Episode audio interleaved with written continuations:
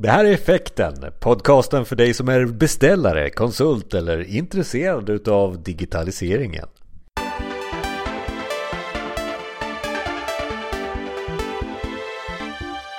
I dagens podd så pratar vi om det här med mjukvarutestning igen och eh, välkommen till podden Eva. Tackar återigen, vi har ju pratat i, i, några tidigare avsnitt om mjukvarutestning, så lite repetition och sen lite av det här som är det, det som vi trycker på just nu när det gäller mjukvarutestning. Så vi börjar väl någonstans här med, med mjukvarutestning för dig och, och, och vad du ser runt omkring mjukvarutestning just nu. Ja, och det som händer väldigt mycket nu när det gäller mjukvarutestning är ju att eh, samarbetet mellan eh, olika roller ökar. Eh, men huvudansvaret är fortfarande detsamma. Så därför ändrar sig arbetssättet en del och organisationsmässigt så ändrar det sig en del. Men det är ändå så att huvudfokus är ändå detsamma. Att säkerställa kvaliteten i det vi levererar och eh, hjälpa hela teamet med att eh, lyckas åstadkomma den kvaliteten som är rätt just för den produkten vi levererar. För mjukvarutestning har ju passerat för många, många år sedan det här vi letar bugg eh, mm. Eh, eller vi letar fel utan det vi lyfter det till nu med eh, vi hade en liten fördiskussion. Skiljer det sig någonting från det här som har blivit det senaste året med agiliteten och vattenfall? Har testarens roll uppgraderats till att vara bättre med i teamet och kanske inte vara med på slutet eh, och kännas som att vara den här buggrättaren. Har det, har det, I och med metoder har det förändrats, eh, testarens och mjukvarutestningen?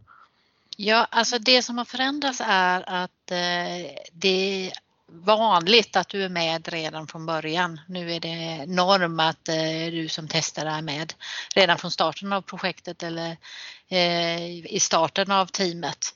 Medan eh, det hände ganska ofta för eh, typ 20 år sedan att du kanske kom in i slutet av projektet och inte hade varit med innan.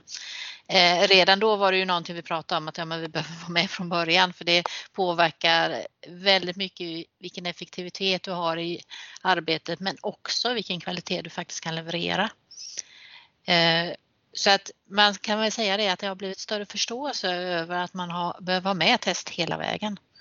Eh, samtidigt så i vissa organisationer så i och med eh, att utvecklarna testar mer nu än vad de gjorde förr så tror man i vissa organisationer att det räcker med att utvecklarna testar. Och det gör det inte. Det är jättebra men eh, det behövs komplement.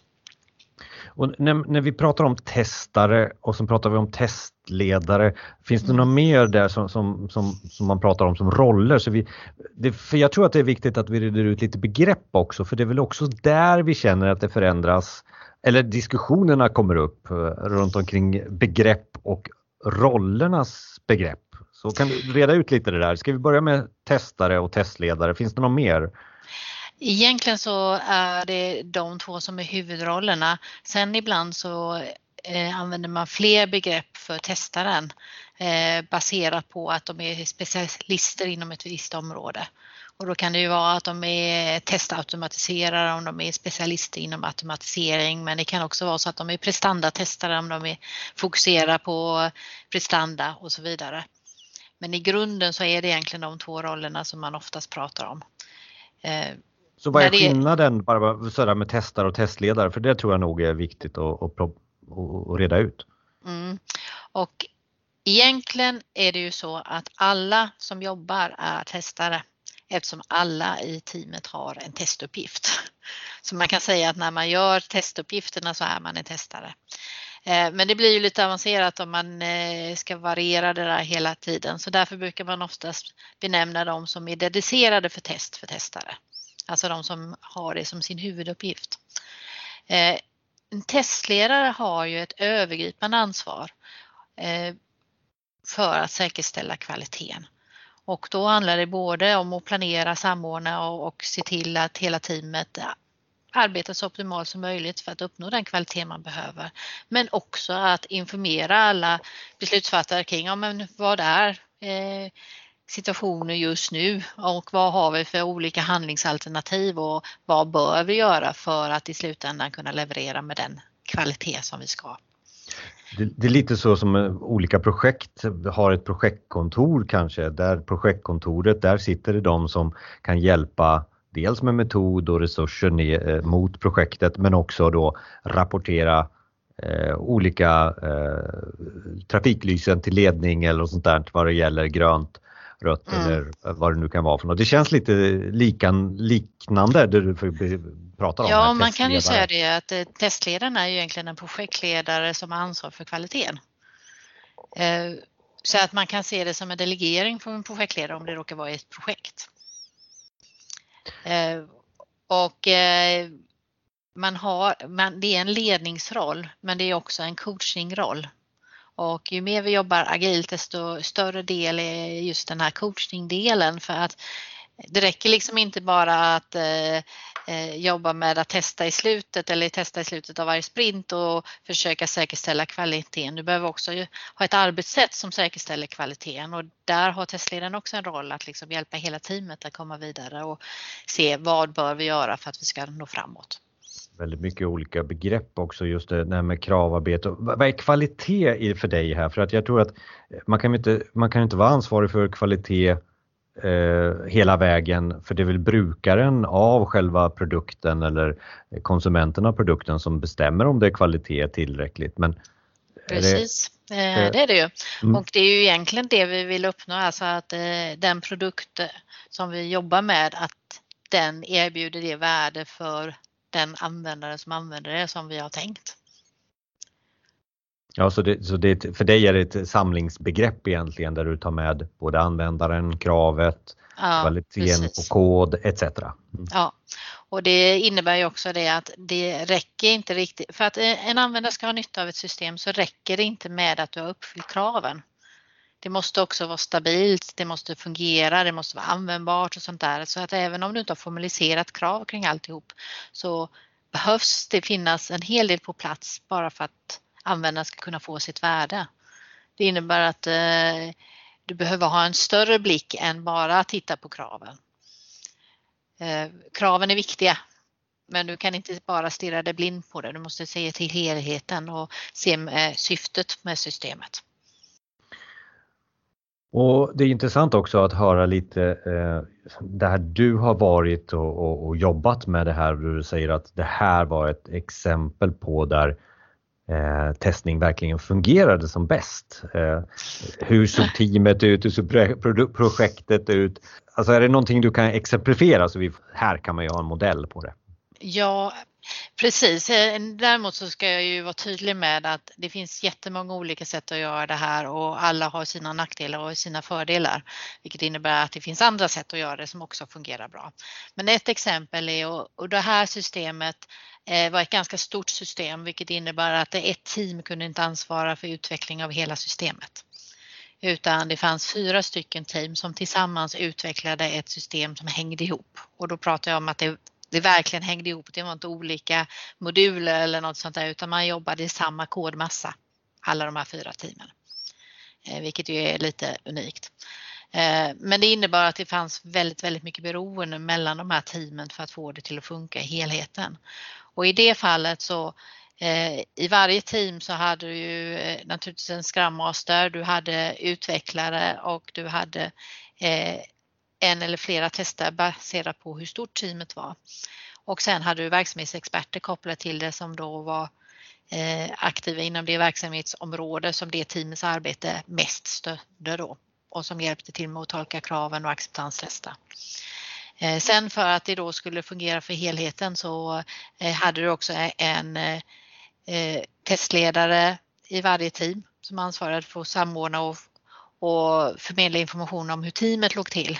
Och så hade du en, och då kallar vi det för teststrateg bara för att vi skulle särskilja på det, som ansvarade för hela det här projektet där alla de här teamen ingick. Eh, just därför att eh, det är väldigt lätt när man jobbar i ett team att man fokuserar på det som teamet levererar och eh, glömmer bort att det här ska fungera ihop med de andra. Och det, eftersom det var så pass stort och så många beroenden så var vi tvungna att se till att funktionaliteten var klar i tillräckligt god tid så att vi kunde testa att helheten fungerade ihop eh, innan vi gick vidare. Och det sättet att organisera sig fungerade faktiskt ganska bra. Och, och, och, då var det ju också så, jag börjar betrycka det här med testledaren för det är också mm. lite det där att där säger du inte att testledaren stod för någon sån här administration utav hela Nej. teamen. Eh, för det är väl kanske en felaktig bild oftast? Ja, ibland så hör man eh, folk som uttrycker sig som testledare så att det låter som att de tror att det är en administrativ roll och det är det inte. Det är en roll som eh, hela tiden ska ha fingrarna i syltburken och verkligen ha koll på vad som händer och sker. Eh, och det är klart att eh, ibland så behöver man ju komma överens om att oh, så här gör vi det och då kan man behöva dokumentera det. Men det är den lilla biten och den dokumentationen kan ske på väldigt olika sätt. Den behöver inte vara i form av ett dokument, den kan vara i form av att du har en tidslinje på en whiteboard, eh, kvar en del i eh, Jira Gira där du planerar upp arbetet och allting sånt där. Så att eh, dokumentationsbiten är ju den lilla biten och du lägger egentligen väldigt lite tid på administration. Du lägger mer tid på att hålla koll på vad som händer överallt och fatta beslut och hitta handlingsalternativ. Vad är, det för, vad är det för typ av person? Är det en testare som har hållit på i några år eller, eller låter det lite som att det är en kommunikatör, coach, slash test, eh, admin i en och samma roll? Det är inte alla som blir testledare. Nej, det är inte alla som blir testledare, men det är viktigt att du kan test. Så jag skulle säga att det inte, du går inte in som testledare innan du har jobbat eh, ett antal år som testare. Eh, för du behöver förstå test i grunden. Du behöver veta hur ska du lägga upp det här testarbetet för att det ska bli så effektivt som möjligt och du behöver kunna förmedla det till andra och då måste du förstå det i grunden själv. Eh, så att jag vet ibland att man eh, som projektledare ibland går in som projektledare utan att egentligen ha varit med i systemutvecklingsprojekt innan och så ska man vara projektledare för ett systemutvecklingsprojekt. Eller man är Scrum Master i ett team som håller på med någon form av systemutveckling och man har inte själv jobbat med systemutveckling. Eh, det skulle inte fungera att ha en testledare som inte har jobbat med test. För då kan du inte göra dina uppgifter skulle det funka att ha en testledare som kanske inte är den här jättebra kommunikatören. Jag tänker på liknelsen här mellan en Scrum Master och en testledare i personlighet då, för jag mm. tror att en, en Scrum Master måste vara väldigt mycket kommunikatör och mm. eh, smörja emellan eh, maskineriet sådär. Eh, är det någon du har någon synpunkt på där? Ja, alltså man måste som testledare vara väldigt mycket kommunikatör, men man måste också ha ganska mycket eh, råg i ryggen om du förstår vad jag menar. Alltså man behöver kunna stå för det man eh, anser är rätt och inte ge sig bara för att det är obekvämt. Eh, och nu menar jag inte att man ska säga emot bara för att säga emot ska, men är det nu så att det finns en stor kvalitetsrisk och eh, den eh, föreslagna handlingsvägen kommer att leda till att vi har väldigt, väldigt höga risker. Då måste man kunna stå för sig och tala om eh, vad blir konsekvensen när man går den vägen? Sen naturligtvis när ett beslut är fattat så måste man ju acceptera det men man får inte vika sig för tidigt. Man måste liksom vara tydlig med hur är situationen egentligen och vad får det för konsekvenser om vi fortsätter på det sättet som vi gör. Ja, för att nu, nu har vi ju pratat fram och tillbaka, du har gett oss också exempel, vi har tagit rollen. Så ett mjukvarutestning och det vi ser nu och framöver när, när det gäller, vi har agilitet, vi har fortfarande Vattenfall kvar i vissa, eh, så, och sen roller och det här kravarbetet. Så skulle man kunna sammanfatta det här så här på slutet på hur man lyckas med test i sina projekt? Eh, har du några sådär, jag skulle ju alltid vilja ha den här trepunktslistan då men, men eh, det, det kanske inte går. Du behöver ha någon som har fokus på test redan från början. Det är inte någonting som du kan eh, liksom patcha upp med i slutänden utan du behöver ha testtänket med från början hela vägen. Eh, så det är mitt första råd. Det andra är att du behöver ha en helhetsbild, alltså du behöver tänka vad är det här för värde som det här systemet ska leverera? Hur kan vi uppnå det? hur säkerställer vi att vi levererar det värde som vi ska göra? Och då kan du inte fokusera för mycket på detaljer. Eh, det är därför det är inte alla testare som passar som testledare för att en del är mer detaljfokuserade och de testarna behövs också. Men de är inte bra som testledare för en testledare måste se helheten eh, och se att det fungerar ihop. Och eh, den tredje är att A och O för att leverera med kvalitet, det är samarbete och kommunikation. Eh, när du pratar om, som punkt två där, helhetsbild och värde. Eh, mm. vad, hakar man på någonting som är väldigt populärt just nu, det här med nyttorealisering, effektstyrning, effekthemtagning. Eh, är, det, är, det en, är det likhetstecken där? Eh, delvis är det ju det, men delvis är det någonting mer. För att eh, min erfarenhet är oftast det att ja, du, när du försöker tänka igenom effektmål och allting sånt där, eh, det blir ändå lite snävt i många fall. Och i den här helhetsbilden ingår att försöka se det från olika intressenters synvinkel, alltså att försöka sätta sig in i användarens synvinkel och det är inte säkert det är fångat i effekthemtagningen.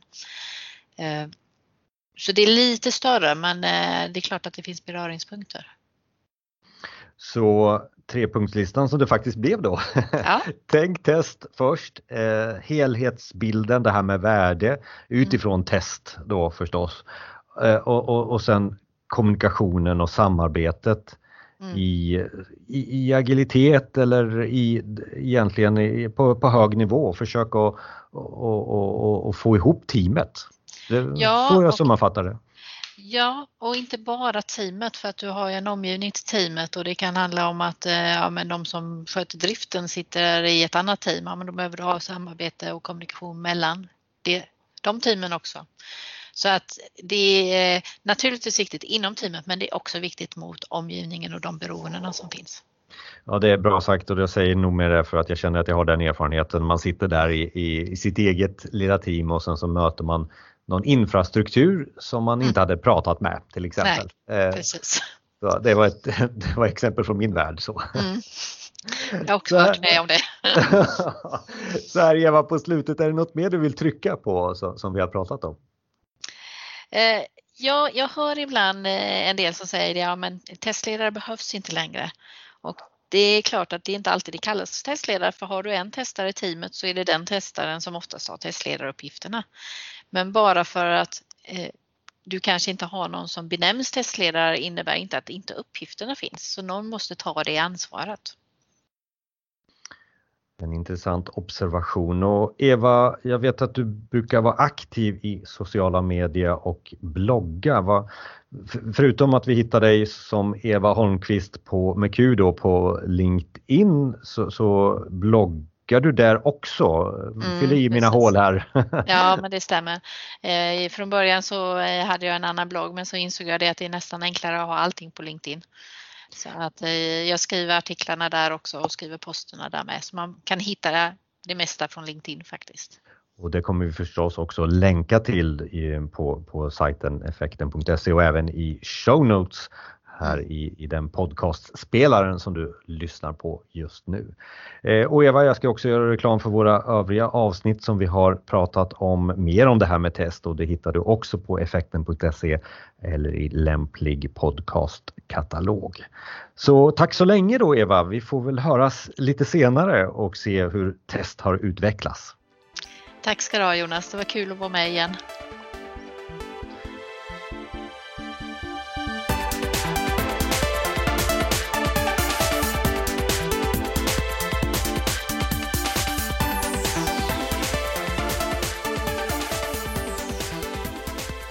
Tack för att du lyssnar på Effekten och vi uppskattar verkligen att du lyssnar. Lägg också in prenumeration utav podden på effekten.se eller där du hittar poddar. Det skulle betyda oerhört mycket för oss. Vi gör då bättre produktioner och vet precis vilka ämnen vi ska ta upp för att inspirera dig vidare i digitaliseringen.